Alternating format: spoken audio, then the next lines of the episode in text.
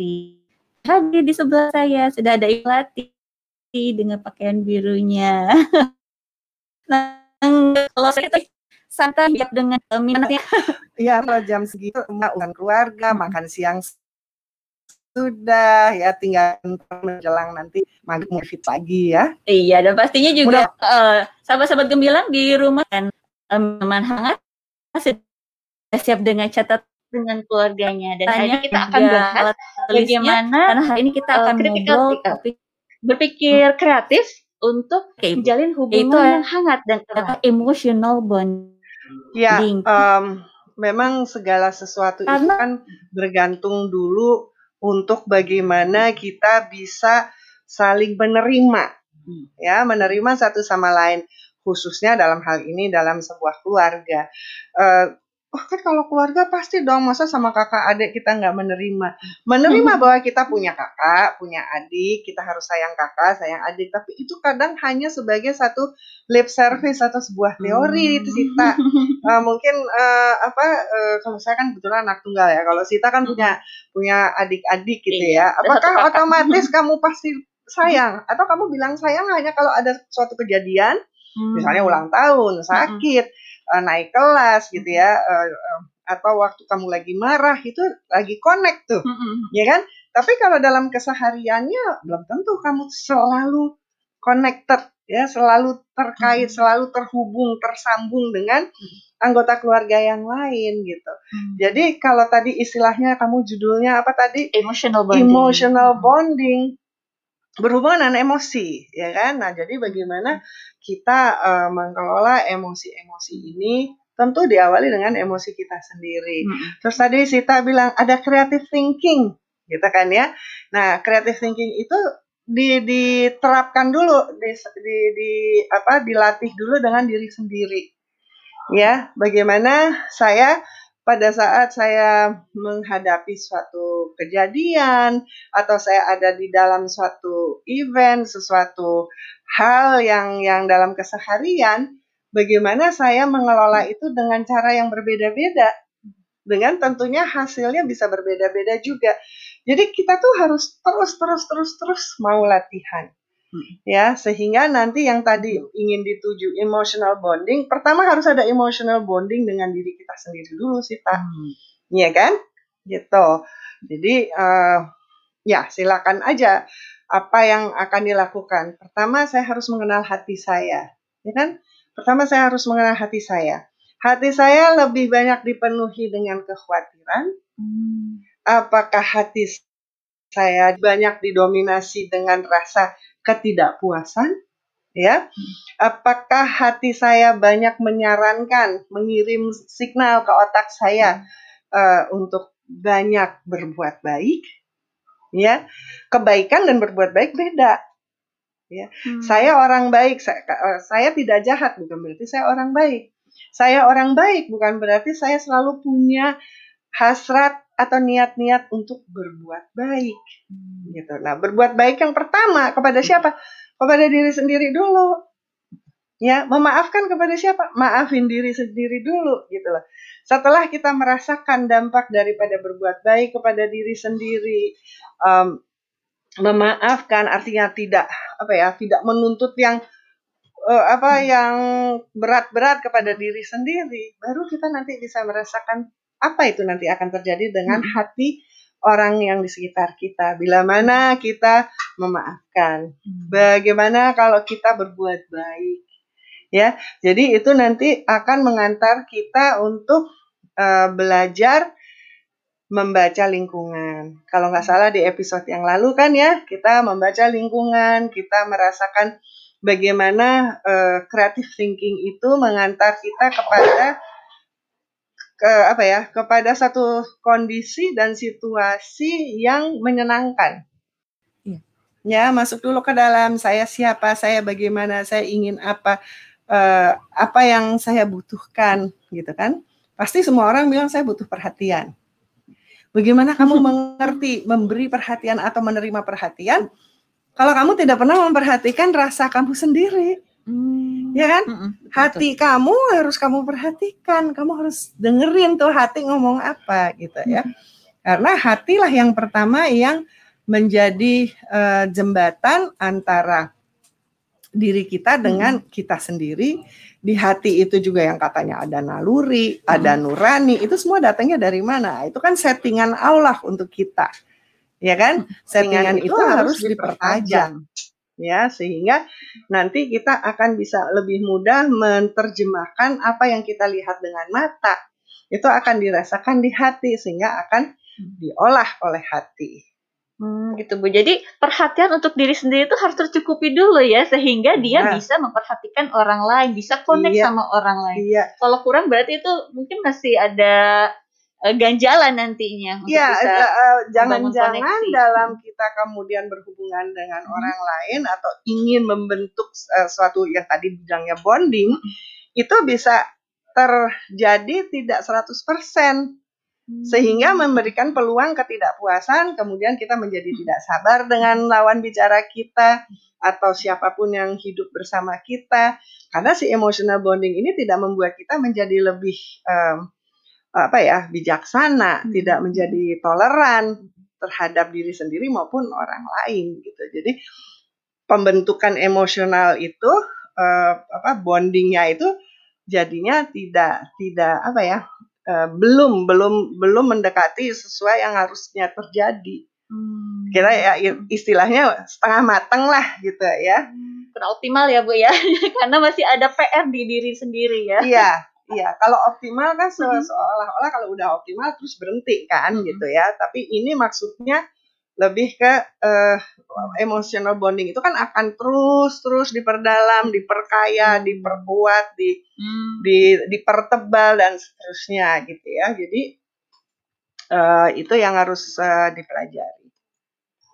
Tebal. Oke. Okay. Dan itu bukan hanya untuk anak-anak ya Bu ya, hmm. tapi juga untuk orang dewasa seperti tadi yang Ibu sebutkan. Bagaimana hubungan saya dengan kakak saya, adik-adik yeah, saya yeah. karena belum tentu memang dalam satu rumah bisa punya hubungan yang erat. Ya, coba kita bayangkan ya, bangun tidur, terjadi emotional bonding pertama ke siapa? Diri sendiri, Diri sendiri kan. Aduh, saya mimpi, aduh saya pusing, aduh saya senang, aduh saya semangat dan sebagainya. Nah, pembicaraan itu akan menjadi uh, bahan. Misalnya, ya pada semangat nggak sih hari ini? Kamu mau ke mana sih? Gini gini hmm. gini gitu kan? Seterusnya. Coba kita bayangkan uh, sewaktu kita bersama ada di dalam rumah, berapa banyak sih kita memperhatikan satu sama lain, hmm. ya? Uh, tentu ada minimum dan maksimal. Maksimal pada saat keluarga bersatu tanpa masing-masing mengerjakan urusannya masing-masing. Tapi ada jatah di mana kita yang satu ingin membaca, yang satu hmm. ingin rileks dan sebagainya.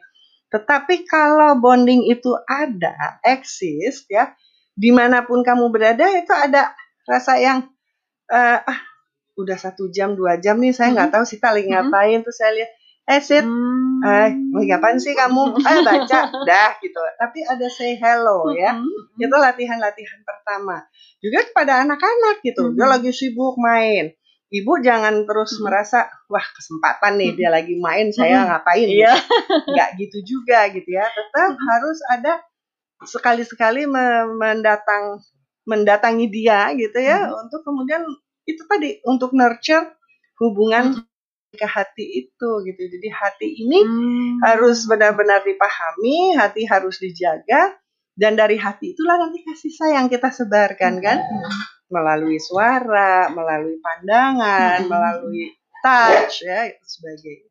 Iya, dan ini karena kemarin-kemarin kita udah membicarakan banyak soal jadwal dan itu memang ternyata sangat membantu sekali ya Bu. Saya juga hmm. setelah mencoba, berarti jangan lupa pada saat kita sedang melaksanakan sesuatu, entah itu pekerjaan eh, kantor ataupun pekerjaan rumah, ya saya hello lah gitu ya sama anaknya, sama pasangan, hmm mungkin sekedar sih yeah. juga sama ayah ibu. Iya kan uh, kalau kita terlalu lama di depan monitor mm. kan harus mengalihkan pandangan. Mm -mm. Ya udah alihkan pandangan mm. dengan supaya juga jangan kaku ya kita bergerak mm. gitu kan. Jadi yeah, setiap betul. apa? Setiap satu jam, satu setengah jam harus disiplin gitu. Oh ya satu setengah jam saya cari ah si suami lagi mm. ngapain. Ah, mau minum nggak? Aku lagi mau minum nih gitu. Jadi latihan dengan terus terus menerus keep in touch keep in touch jangan sama yang di iya. Jawa sono gitu ya. gitu ya. Jadi uh, apa namanya pendekatan-pendekatan ini hal yang umum, hal yang sudah diketahui. Tetapi pendekatannya itulah yang harus kita sesuaikan dengan zamannya. Ya, anak zaman sekarang nggak bisa seperti zaman saya gitu ditegur sapanya gitu ya. Nah ini PR-nya deh gitu ya. PR saya sebagai eyang bagaimana berbicara dengan anak-anak kamu, menyapa anak-anak kamu nggak bisa dengan halo sayang apa kabar dia. Hmm.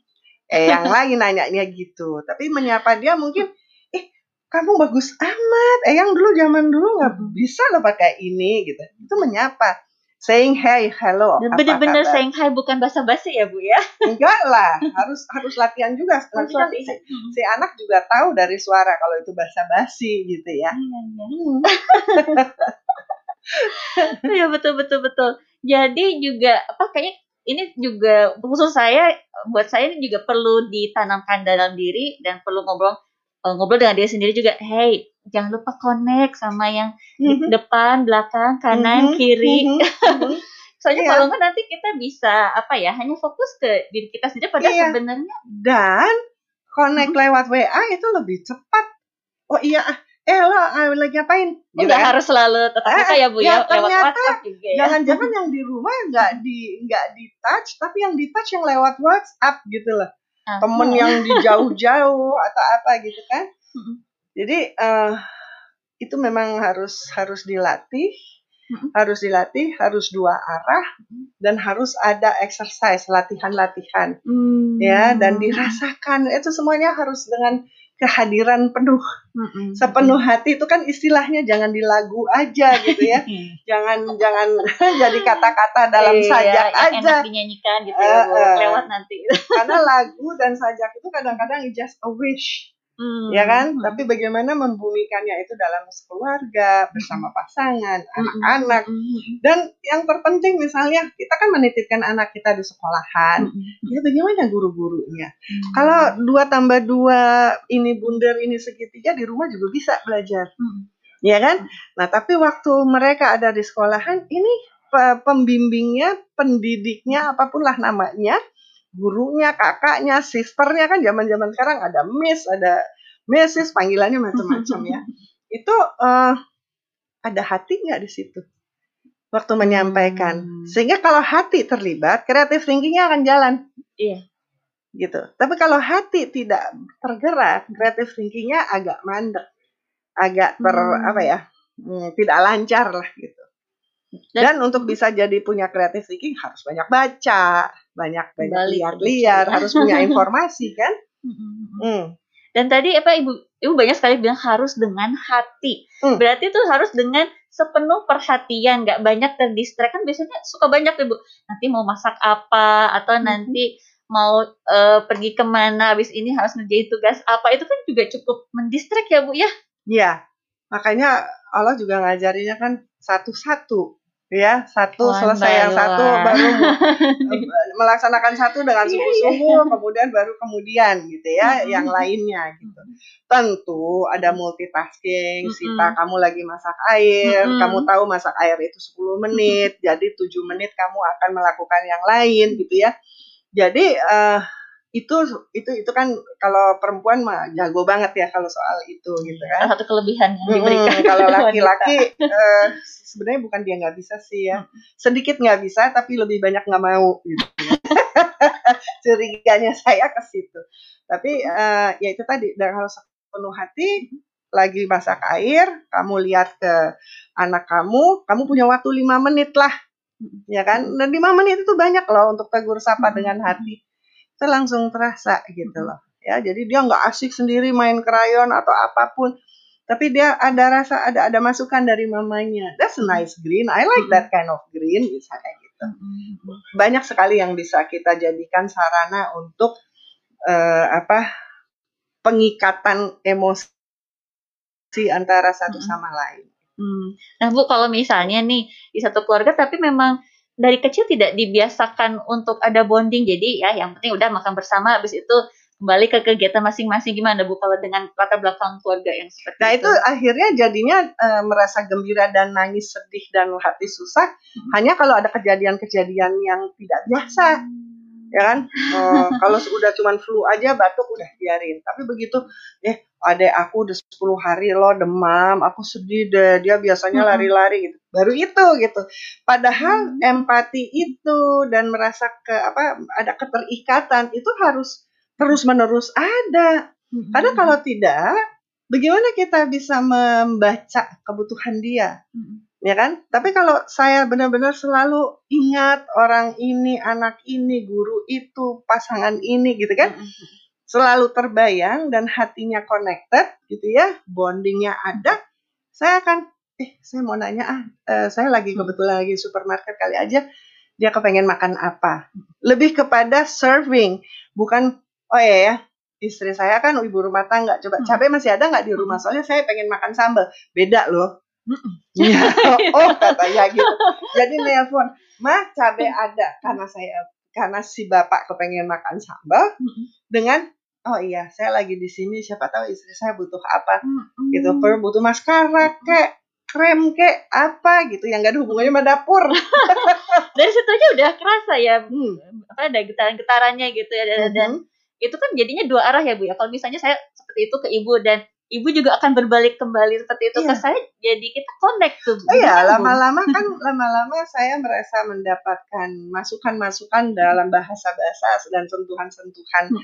uh, emosi yang berbeda sehingga saya akan lama kelamaan akan apa ya akan masuk ke situ gitu ya hmm. jadi uh, memang harus apa uh, ya ini, ini kan nggak mungkin tercapai dalam satu dua minggu ya iya. harus harus uh, beda-beda nanti apalagi kalau dalam satu keluarga ada ayah hmm. ada eyang ada anak tiga berkakak adik yang satu uh, gendernya pri laki yang satu perempuan gitu kan pendekatannya beda-beda lagunya hmm. beda-beda melodinya hmm. beda-beda seperti itu ya jadi uh, apa sih misalnya kendala dan penghambat untuk uh, memiliki emotional bonding.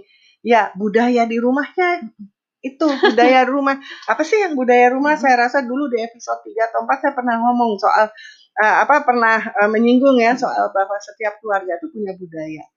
Nah, budaya inilah yang harus warnanya kental untuk ke arah itu tadi tentunya emotional bonding bukan kental yang saya saya kamu kamu gitu loh dan ketemunya cuman kita kayaknya udah lama ya nggak nonton sama-sama gitu. Itu bukan emotional bonding gitu. Hmm. ya uh, karena kalau yang namanya emotional bonding ya harus ada usaha nggak bisa cuman gitu aja langsung tercapai hmm. gitu. Nah ini bu buat yang uh, tidak terbiasa untuk menjalin apa emotional bonding kan itu perlu ada pendekatan. Nah mungkin buat yang bingung nih ini gimana ya pendekatannya? Ya pengen lebih deket sama anak tapi gimana ya buat yang masih bingung nih Bu? Harus jadi ada kita quality mulai. time. Balik ya, jadi time. bukan selalu bersama secara fisik, mm -hmm. tetapi secara batin harus ada juga bersama. Itu yang mm -hmm. namanya disebutnya quality time. Mm -hmm. Salah satunya kan yang sudah mahir lah ya ibu-ibu mendongeng bersama. Mm -hmm. Tapi mendongeng itu jangan satu arah. Iya, harus ada interaksi iya. Terus jawabannya, ya kan maksudnya supaya dia tidur. Kalau ngobrolnya dia nggak tidur tidur. Makanya uh, storytelling itu hmm. tidak hanya waktu menjelang tidur. Hmm. Ya kan? Yang menjelang tidur rutin oke okay, setiap hmm. hari gitu kan. Tapi ada dalam dalam apa? Dalam enam atau tujuh hmm. hari beberapa yang di siang, entah yang di pagi, hmm. entah yang kalau di uh, apa uh, coffee time yaitu jam 10 gitu ya pada saat uh, semuanya zoomnya lagi sebentar ada break hmm. gitu kan um, ya apa dari dia lagi gambar kita bikin itu sebuah story kan juga bisa sehingga dia merasa ih gambar saya ini punya manfaat gambar saya ini bisa mengkomunikasikan sesuatu gitu kan coba deh kamu uh, ceritain sama sama mama ini uh, gambarnya apa sih menceritakan apa gitu. What do you feel waktu kamu lagi memilih warna ini? Eh, no, kayaknya kamu warnanya lagi ceria. Kamu hatinya lagi ceria gitu ya. Jadi uh, perkembangan emosional bonding itu tanpa sengaja tidak bisa uh, tidak bisa berkembang bukan karena ada kendala, hmm. tetapi karena kita tidak dibiasakan Jadi Hmm. seolah-olah itu menjadi kendala gitu ya. Hmm. Terus sebenarnya nggak ada kendala, tapi Hmm, kamu karena harus belum lebih terbuka. aja. Ya itu tadi eh, basic creative thinkingnya harus ada sehingga Hmm. tidak malas. Hmm. Oh malas mau ngomong apa lagi sih sama mama? Oh lu ngomong apa lagi sih sama Hmm. eyang apa gitu? Ah, udah deh gitu kan. Jadi Hmm. cuma deket-deketan aja. Hmm. Tapi itu tidak tidak terjadi interaksi nantinya gitu ya. Jadi eh pertama saya harus bisa ngerti hati saya. Saya dalam kondisi yang seperti apa. Kadang-kadang kita juga lagi nggak kepengen ngomong gitu kan. Hmm. Tapi bisa juga dengan merangkul, Dek, Mama lagi capek, tapi Mama pengen dong sekali-sekali kamu yang jadi storyteller Hmm. gitu. Kamu pilih deh kamu cerita, bacain apa buat Mama. Pak, aku punya bawa buku ini gitu. Dan dia belum bisa baca, mana mungkin. Ya, membaca gambar. Ya kan, membaca gambar membuat dia merasa pilihan dia itu di eh, apa dihargai. Jadi eh, balik lagi ya pendekatan, disamakan budayanya berarti yang berhubungan dengan nilai, berhubungan dengan kebiasaan-kebiasaan, terus tingkatkan kemampuan kita dalam pembentukan kalimat ya. Jadi eh, kalau kalimatnya cuma bisa apa kabar, baik, itu kan jadi tidak terjadi komunikasi, tidak terjadi dialog ya, tidak terjadi eh, interaksi. Kita tidak bisa mengundang Hmm. ya dan juga harus belajar tuh eh, apa istilahnya kalimat terbuka dan kalimat tertutup. Ya kan? Kalau kalimatnya tertutup apa kabar dek? Sama. Terus kita mau sama sama yang mana deh ya sama. Itu kan jadinya ya tadi kemarin itu kita sebut episode sebelumnya eh, yang mute. Iya. gitu kan? Jadi itu ya udah mute. Kalau mute terus gimana? Bisa ada terjadi emotional bonding nggak akan bisa gitu ya. Hmm. jadi eh, dan saya harus percaya pada saat saya eh, memperlihatkan kepada Sita, misalnya saya lagi sangat gembira atau sangat sedang down Hmm. sekali lagi, aduh lagi hati saya tuh lagi aduh kacau balau. Saya harus percaya bahwa saya tidak ditertawakan. Saya harus percaya bahwa Sita nggak Hmm. terus cerita, eh, eh, dia tuh masa begini, dia masa begitu, gitu kan? Iya, saya betul, harus punya kita harus ada kepercayaan satu sama lain dulu supaya nanti hatinya terbuka. Saya Mm-mm. mempercayakan hati, isi hati Mm-mm. saya, kamu mempercayakan isi hati kamu. Jadi em, Sita-sita aku hari ini bahagia banget. Oh, apa sih bahagia? Aku percaya sama kamu. Saya harus yakin bahwa kamu tidak menilai yang aneh-aneh mengenai itu. Kamu bisa memahami dan bisa membiarkan saya dalam kesenangan dan kebahagiaan saya itu. Itu yang yang terpenting. Itu enak banget loh Bu. Kalau misalnya kita bisa eh, bercerita dan terbuka sama orang karena kita sudah percaya. Tapi mungkin ada gimana ya? Ada keraguan. Nah, supaya nggak ragu-ragu dan bisa lebih ada trust gitu Bu. Itu gimana ya? Ya harus dibangun. Harus ya. dibangun. harus dibuktikan kalau saya memberikan suatu yang eh, apa eh, bagi saya saya nggak mau orang lain tahu. Walaupun menurut kamu ah itu kan nggak penting itu umum. Saya harus percaya bahwa kamu tidak mendahulukan eh, opini kamu sehingga kamu mengambil inisiatif untuk "Eh, kamu tahu nggak sih dia si melati tuh barusan begini-begini gitu kan? Iya. Nah, itu terbukti tidak sekali, dua kali dan seterusnya itu membangun saya merasa percaya diri gitu loh. Saya merasa oh ya ya, eh, saya bisa cerita apa aja ke Sita it is between us dan kalaupun eh, juga buktinya saya di apa menghargai Sita kalau Sita menceritakan sesuatu, saya akan menjawab misalnya ke Sita. Ini kan informasinya kamu ya. Hmm. Ini yang terjadi sama kamu. Jadi kamu yang berhak untuk meneruskannya ke orang lain bukan saya. Jadi apa yang kamu teruskan pada saya, I will keep it gitu ya. Tapi apa yang ada di kamu, kalau kamu mau orang lain tahu, Mhm. Either kamu minta saya meneruskan atau kamu harus meneruskannya sendiri. Jadi saya yakin Hmm. itu tuh nggak ke mana-mana tuh informasinya Mhm, mhm. gitu. Karena itu kadang memang jadi satu hal yang sulit ya Bu ya. Bisa Hmm. jadi aduh gatel nih pengen ngobrol padahal kan sebenarnya harus dijaga ya dan kalau misalnya tidak menjaga kepercayaan itu akan sulit kita membangun hubungan yang Ya. hangat dan erat. Betul. eh apa namanya? Inilah ini satu yang terkadang sangat terlihat masih kurang ya eh, Hmm. mempercayai dan dipercaya Hmm. dan dipercaya itu something yang harus harus uh, tidak serta merta terbentuk ya. Itu harus dibina, harus hmm. di nurture istilahnya ya, hmm. harus harus harus berkembang demikian dan dan akhirnya terjadilah. Jadi emotional bonding itu hanya bisa kalau ada trust. Hmm Ya, ada trust di antara saya dengan lingkungan saya atau lingkungan dengan saya. Dan khususnya kepada anak-anak, jangan mentang masih anak-anak ya Bu. Justru pada saat itu, di situlah kita harus benar-benar membangun kepercayaan. Iya. kalau anak udah percaya sama orang tuanya, jadi juga nggak akan ke mana-mana, dia akan punya hubungan iya. yang erat. Ya. Itu satu ya Sita. Having fun with children mm-hmm. and making fun of them. Uh, itu Aduh, betul-betul dipisah. Itu beda banget. itu beda banget. Tapi orang tua suka uh, apa ya um, suka tidak ingat pada itu. Oh lucu-lucu ketawa terus bilang ya lihat yang lihat tadi dia hahaha kita ketawa. Bu. Uh, ya.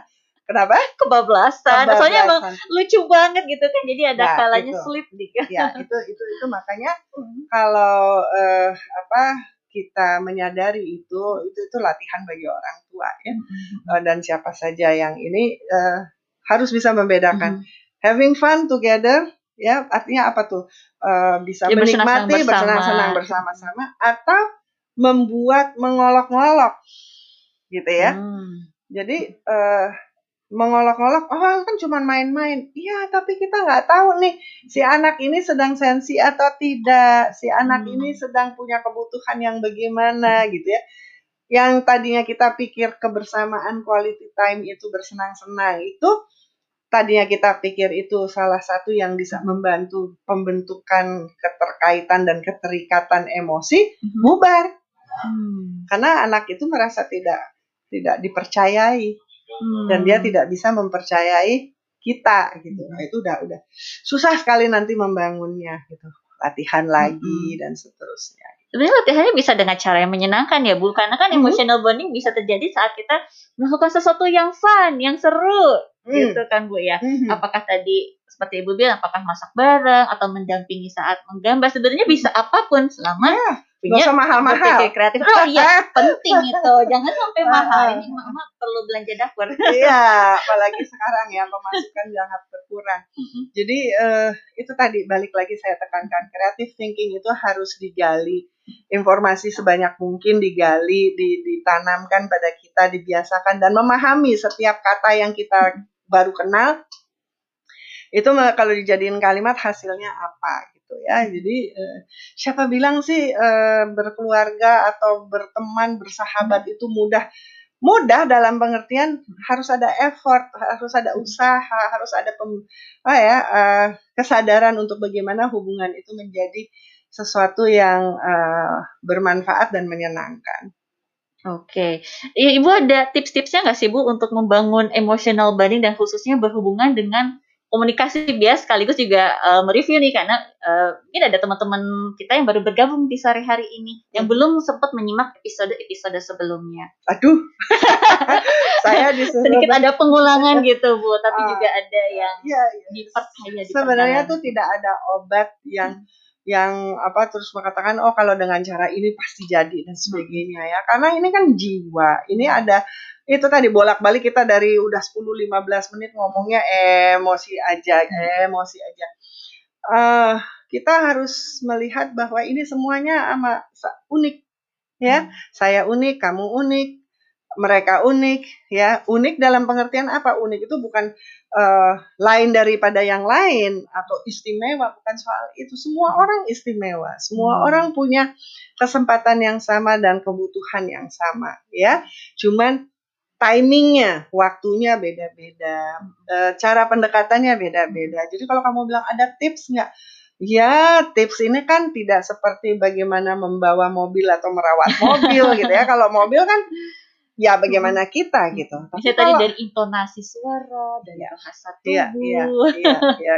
Uh, sincerity ya, jadi ketulusannya itu juga kamu tuh tulus nggak sih atau -hmm. kamu melaksanakan hal-hal ini hanya karena teori ya Hmm. menjalankan kehidupan sebagaimana kamu tahu itu di buku katanya begini Hmm. katanya begitu iya itu adalah saran-saran yang bagus dan memang sudah banyak dijalankan oleh uh, peneliti-peneliti tapi tetap aja setiap hari kita berhubungan dengan jiwa Mhm. ada rasa di situ Mhm. ya ada kebutuhan lain ada ada ada sentuhan si kulit ini dan sebagainya jadi itu semua sangat kompleks gitu ya dan bagaimana itu bisa diatasi atau bisa bisa apa terjadi satu hubungan yang baik kalau kita tidak mempelajari kita Mm-mm. tidak memperhatikan kita tidak dengarkan dia Hmm. sedang butuh apa gitu kan Mhm. bahasanya kan beda-beda Iya. ya Mm-mm. jadi seperti itu Hmm.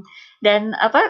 Saya pikir juga apa perlu bisa merespon dengan baik ya Bu ya Mhm. eh, kepada siapa pun ya apakah itu sahabat teman kan kalau di WhatsApp kita kirim WhatsApp aja nggak direspon kan udah mulai itu ya. Mm, curiga gitu ya ya, udah curiga apa ya kenapa nih? Nah, apalagi eh, ketemu secara langsung. Ya, itu dia tuh karena kita terbiasa eh, tidak memupuk percaya dan mempercayai sehingga kita mudah sekali eh, punya pikiran yang eh, mengganggu mengganggu diri kita sendiri sebetulnya.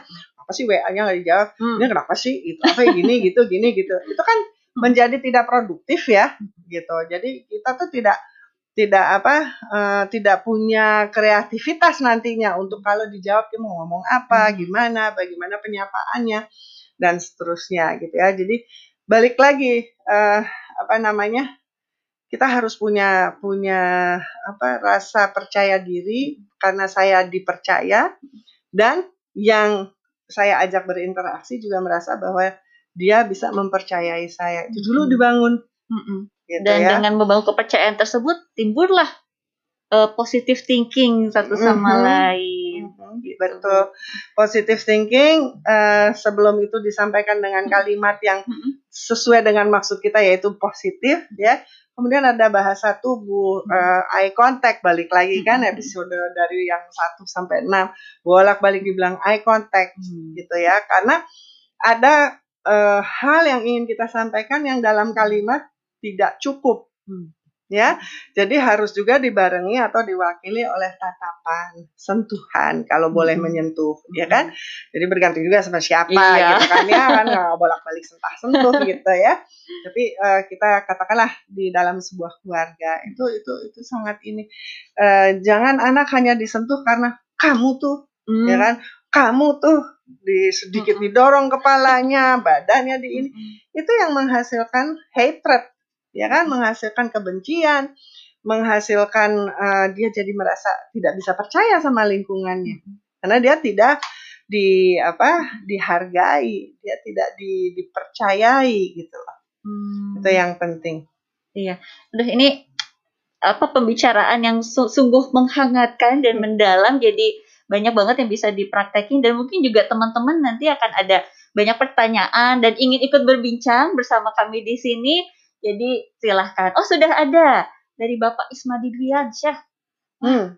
jika seseorang punya luka batin Bu karena perbuatan masa lalu orang terdekatnya bagaimana caranya membangun kembali emotional bondingnya? Ini pertanyaan dari Bapak Dwi. Terima kasih banyak Bapak Dwi ya. Hai Pak Dwi. Em, ya berat banget ya pertanyaannya. Tetapi ini adalah suatu yang akan makan waktu.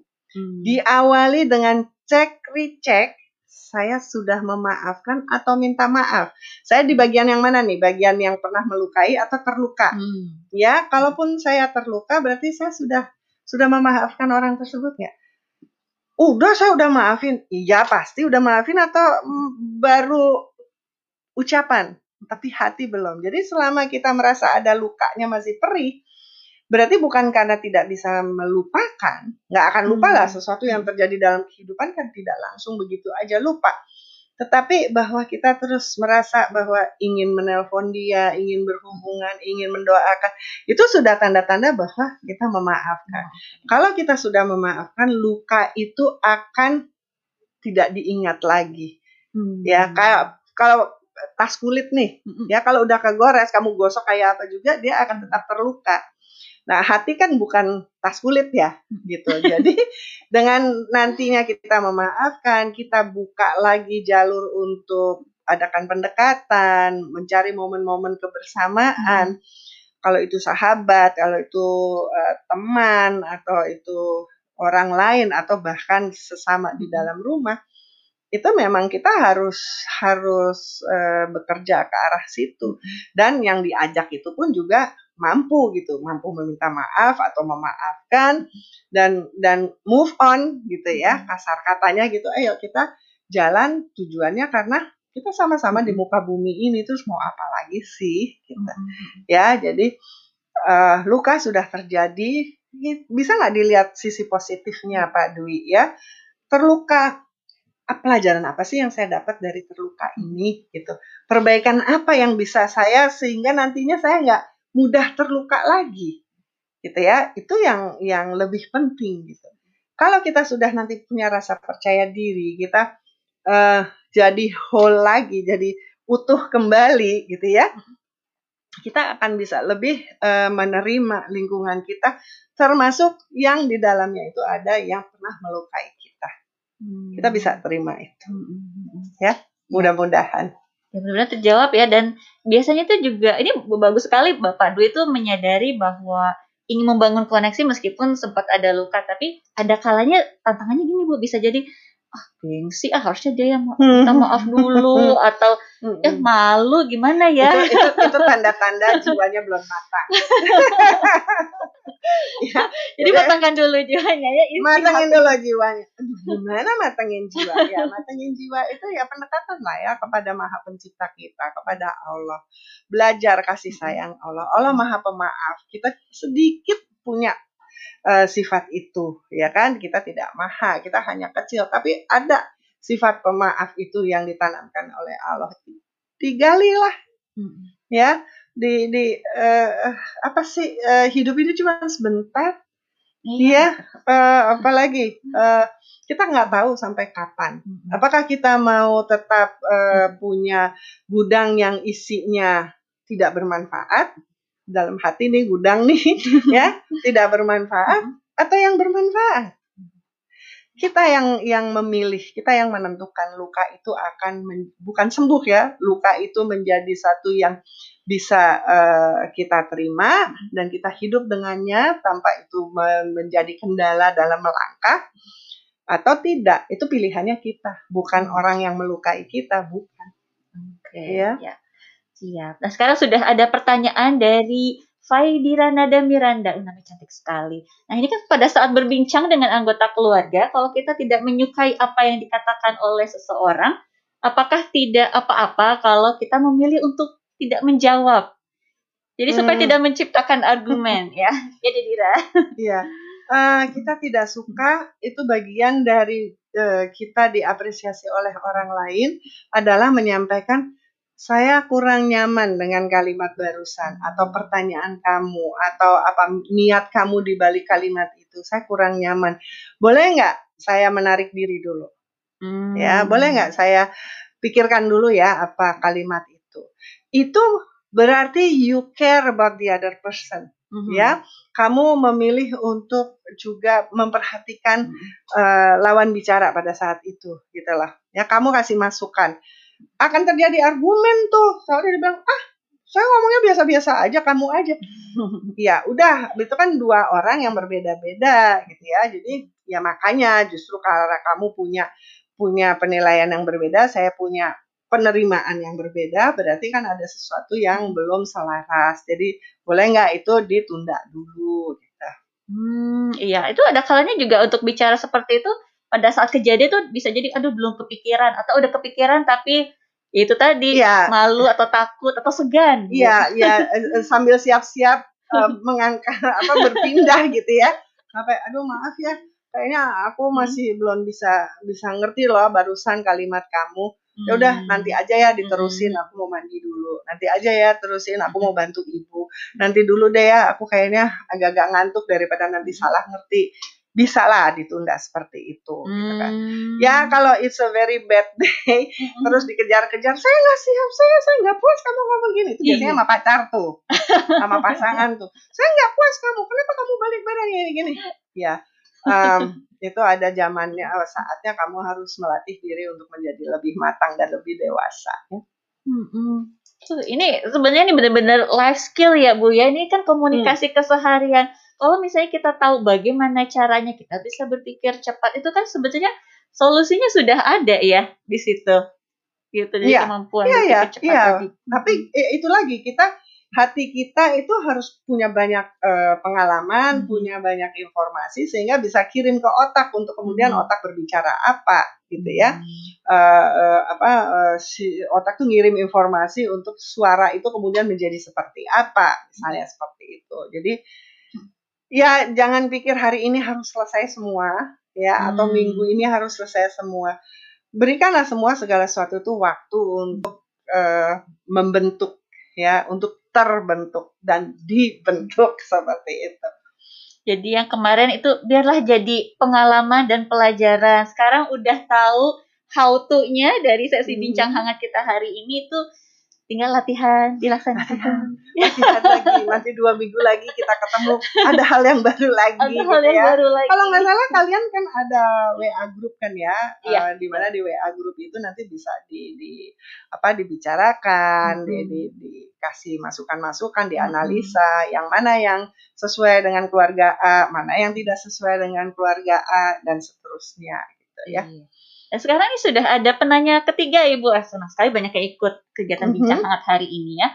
Dari Bella, bagaimana caranya menyikapi anak atau pasangan yang lebih nyaman dengan teman dibandingkan dengan keluarga? Bagaimana caranya menyikapi anak, atau pasangan, yang lebih nyaman dengan teman dibandingkan oh oke Em, ya kita kan eh, ini soal soal chemistry ya soal Hmm, sesuatu yang terjadi eh, eh, dalam jiwa kita kebiasaan kita budaya kita kebutuhan kita semua itu eh, mencari eh, apa namanya temannya ya Hmm. mencari pasangannya gitu ya. Kalau saya lagi kepengen gembira tapi di rumah semuanya lagi males-malesan ya otomatis saya akan cari teman yang teman itu bisa diajak bergembira gitu ya.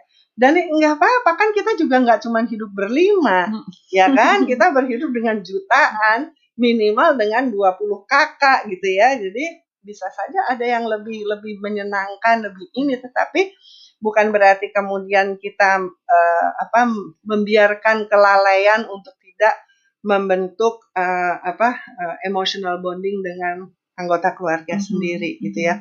Eh, memiliki emotional bonding itu bukan berarti saya harus suka sekali dengan kamu, tapi saya memahami, memahami Hmm, kenapa kita hmm. berbeda, memahami bahwa kita masing-masing punya kebutuhan, ya.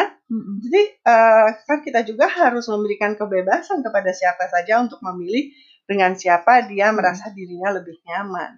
Hmm. Ya kan? Dan kalau kita kenal dengan temannya, kalau kita seandainya lagi susah berkomunikasi dengan anak kita, kita kan bisa minta bantuan temannya untuk menyampaikan apa yang ingin Hmm. kita sampaikan. Kita bisa bertukar pikiran bertiga gitu ya. Jadi akan menjadi lebih kaya, kesempatannya juga menjadi lebih luas. Mm-mm. Dan itu memang betul ya per- perlu ada chemistry dan dia lagi chemistry-nya lebih banyak sama teman-teman. Jadi kembali uh, para orang tua juga perlu tahu ini anak lagi suka apa, lagi senang Mhm. apa sehingga ya pas ngobrol ya. temennya gitu ya saya tahu eh, dulu teman-teman saya ada yang eh, rumahnya jadi kayak base camp gitu Hmm. karena ya itu tadi teman-temannya diakomodir oleh Hmm. orang tuanya ayo makan siangnya di sini atau atau malam minggu di sini aja ya dan sebagainya sehingga ya menjadi lebih luas. Dan strategi yang bagus ya untuk mengenal teman Hmm. anak-anak. ya, berikutnya ada dari R. Egi Wahyuni. Saat kita belum siap menjawab pertanyaan anak, apakah ada tips dalam menjelaskan ke anak sehingga kita sebagai orang tua belum siap da- dalam menjawab? Oh, maksudnya kalau belum siap dalam menjawab ya? Ya eh, ada kan kadang-kadang pertanyaan yang ngagetin kita ya Iya. Iya. Gitu ya. aduh aduh ditanya yang kayak begini misalnya mah mama kan udah nggak sama papa ya terus itu om itu mau ngapain di sini? Oh. oh aduh, uh, because I did that to my mom dulu gitu ya. Oh. Uh, uh, saya kehilangan di usia muda kehilangan ayah saya. Jadi hmm. waktu saya selalu curiga pada lelaki-lelaki yang tiba-tiba ada di rumah hmm. gitu. Entah dia datang kalau zaman dulu ngomong tahun 60-an gitu kan, hmm. dia datang minum kopi ditemanin sama eyang gitu kan tetap aja ada. Tapi saya saya tanya gitu dan dia tuh gelagapan kamu jawab apa orang ini teman hmm. biasa gitu kan Oh, walaupun teman biasa tetap gelagapan ya. Ya, anak itu suka kaget. anak itu suka datang dari tikungan yang gitu kan ya. Belum siap orang tuanya udah, oh, apa ini? Sama seperti pembimbing atau guru hmm. gitu kan, tiba-tiba menanyakan, "Miss, ini kenapa begini?" Tiba-tiba duh blank, nggak tahu gitu. hmm. gitu. Tapi creatively saya bisa menjawab misalnya, oh iya ya, aku juga saat ini nggak tahu loh. Kita cari hmm. yuk di library atau uh, setiap rumah punya library kecil misalnya, tapi kita cari siapa tahu itu ada ceritanya, hmm. ada jawaban yang kamu cari. Atau aduh kasih waktu dulu mama ya, mama harus pikir dulu sebentar ya, ada ini gitu. Jadi uh, tetap dia diakomodir ya, di, di, disikapi, diberikan waktu, tapi juga harus jujur. Lagi nggak punya jawabannya, saya mesti cari jawabannya. Apa kita cari sama-sama? Atau kamu beri waktu, ibu cari dulu sendiri jawabannya gitu. Kan kalau itu pertanyaannya very personal ya seperti tadi contoh ekstrimnya gitu kan. Oh, kenapa begini, kenapa begitu? Papa sama mama kok kenapa uh, apa kok nggak pernah sayang-sayangan sih depan adik gitu. Ya kan kebetulan lagi lagi perang dingin. Tapi kita ya, kan? harus siap-siap dengan pertanyaan seperti itu ya. Oh, iya, karena kan mereka Mereka ingat ya, mereka itu menyerap semua dan informasi yang tidak ada jawabannya atau uh, ada informasi di lingkungan dia yang dia lihat kegunaannya itu belum dia tahu atau dia hmm. ngerti, dia pasti tanya. Hmm. Gitu ya. Jadi uh, kita tidak harus bisa siap atau harus selalu siap, hmm. tapi kita harus harus menyediakan waktu dan fokus pikiran, hmm. ya perhatian terhadap pertanyaan dia. Hmm. Makanya orang tua per, perlu jadi smart dan smart berbahasa sehingga pada saat nanti ketemu pertanyaan yang menggugah itu jadi at least tahu harus menjawab apa ya. Ya jawab apanya itu tadi? Jujur. Hmm, jujur. Uh -uh. jadi kalau emang nggak tahu ya nggak tahu tapi uh, memberikan uh, apa uh, kesempatan untuk mencari solusinya mencari jawabannya. Hmm, hmm, iya. Ajak dia untuk cari jawabannya iya kembali tadi ya kalau sekarang mungkin lebih banyak lewat Google. Yuk deh kita cari lewat Google sama-sama. Hati-hati loh, gadget lagi, gadget lagi, gadget lagi. Tahu-tahu dalam 8 jam itu lima setengah jam main gadget loh. Iya, perlu diwaspadai. Jadi kembali ya. Oke, jangan cuma dengan gadget tapi juga dengan ini ya, pebukunya. Nah, mhm. berikutnya ada pertanyaan dari Ima. Bagaimana membangun bonding dengan mertua atau ipar supaya tidak ada kecanggungan saat bertemu? Ya, kalau baru nikah sih gitu ya. Terus nanti uh, kelipatan tiga tahun kelipatan lima tahun. Uh, canggung itu kan karena itu tadi kadang-kadang kita punya uh, negative thinking atau hmm. kecurigaan lah kalau nggak mau ngomong negatif ya. Uh, kecurigaan oh jangan-jangan maksudnya nanya itu karena ini. Jadi kita merasa canggung kita merasa seperti tertangkap basah dengan sesuatu gitu. Atau ada pertanyaan yang sama kalau anak bisa bertanya sesuatu yang kita nggak ngagetin mertua juga bisa menanyakan hmm. sesuatu yang ngagetin. Jadi kita sebelumnya sebaiknya mengenal uh, mertua kita atau orang tua kita ya, dan supaya mereka juga mengenal saya itu seperti apa. Uh, niat saya kan orang tua tuh ngeliat, udah anak saya nanti be happy nggak ya sama dia? Kok anak saya kayaknya tadi pagi nggak nggak disayang ya sama dia? Apalagi kalau serumah itu kan semuanya terlihat gitu ya. Jadi juga harus punya waktu untuk supaya kita punya interaksi yang baik, komunikasi yang baik, pertukaran kalimat yang baik hmm. sehingga informasinya itu tersampaikan sehingga orang tua itu bisa dengan tenang melihat oh anak saya nggak apa-apa kok gitu ya di apa mantu saya memang sedang mengolah dirinya ke arah mana ke arah mana seperti itu. Hmm, iya ibu. Nah ini sesi tanya jawab yang asik sekali dan kalau sahabat gemilang ingin lanjut itu bisa ya nanti di WhatsApp grup bersama Kak Karina dan Kak Ana. Ibu aus nggak Bu? Mau minum dulu? Aus banget. Jadi Ibu silahkan minum dulu. Teman-teman yang di rumah yang sudah menyiapkan apa minuman hangatnya monggo diminum dulu. Jadi untuk hari ini uh, selalu ada Bu ya setiap episode itu saya senangnya adalah hal-hal yang memang praktikal yang bisa kita terapkan sama-sama seperti hari ini di mana kita membangun uh, kedekatan emosi atau emotional bonding juga harus diawali dengan memperhatikan emosi diri kita sendiri. Bagaimana keadaan hati kita? Setelah iya. kita juga apa cukup perhatian terhadap diri kita juga akan mudah untuk memberikan perhatian kepada orang-orang di sekitar kita. Jangan lupa untuk selalu keep in touch tidak selalu sibuk dengan pekerjaan Jadi selalu uh, buat waktu untuk bisa berhubungan dengan orang-orang terdekat dan orang-orang terkasih kita. Hmm. Nah nanti uh, di jam setengah delapan malam kita akan mendapatkan tantangan nih Bu bersama Kak Karina dan Kana dan teman-teman yang tergabung nanti di grup WhatsApp untuk melaksanakan emotional bonding di tempat masing-masing. Jadi nggak hmm. harus keluarga ya, bisa dengan hmm. Uh, guru dan murid, hmm. bisa dengan cucu apa cucu dan neneknya, gitu. Mantu Jadi, dan mertua. Iya, mertua dan mertua. Atau dengan sesama saudara ipar tadi. Uh, iya. Ya. Bunda Ima bisa ikut tantangannya. Oke, okay. jadi kita ketemu lagi sama Ibu Ima nanti ya. Iya, dan pastinya juga siaran hari ini bagi teman-teman yang mungkin sempat terlewat itu bisa disaksikan di channel YouTube Yayasan Alang-Alang dan rekaman audionya bisa didengar di Spotify Bincang Hangat Bersama Melati. Hmm, ya menarik karena kadang-kadang mata ingin istirahat tapi eh, informasi ingin tetap diserap ya. Jadi Spotify itu tawaran yang menarik juga. Iya. Mm -hmm. Dan kita sudah sampai di penghujung acara ini. Oh, Jadi really? waktunya kita oh, oh. merep up. waktunya saya merep up. Ya, balik mm -hmm. lagi di usia saya 67 ya. Sering saya terus berpikir apa sih kemarin-kemarin pada saat saya di usia seperti Sita, pada saya di saat usia waktu saya uh, umur 15 tahun dan situ ya mengkilas balik. Jadi saya juga mulai lebih lebih ketat ya, lebih hmm. fokus untuk memikirkan kemarin tuh apa aja sih yang bisa menjadi pelajaran bagi saya untuk hari ini. Saya menata kembali uh, apa-apa uh, yang bisa menjadi uh, perbaikan dalam kehidupan saya karena saya ingin menjadi yang lebih baik dari kemarin dan saya ingin punya kesempatan yang lebih baik lagi untuk harapannya memiliki satu masa depan, satu hari esok yang menyenangkan yang gemilang. Gemilang versi saya adalah saya sehat, saya bermanfaat, saya bisa berbagi kasih sayang, saya punya waktu untuk teman dan sahabat, dan mereka yang membutuhkan chatting-chatting gitu ya, itu bagi saya sudah suatu hari esok yang gemilang. Ya, hari esok itu kan besok Senin ya, tapi besok juga hari esok yang uh, tahun-tahun mendatang seperti itu. Jadi ya jadikanlah kemarin itu materi pelajaran untuk hari ini perbaikan untuk menyongsong hari esok yang gemilang. Sampai jumpa.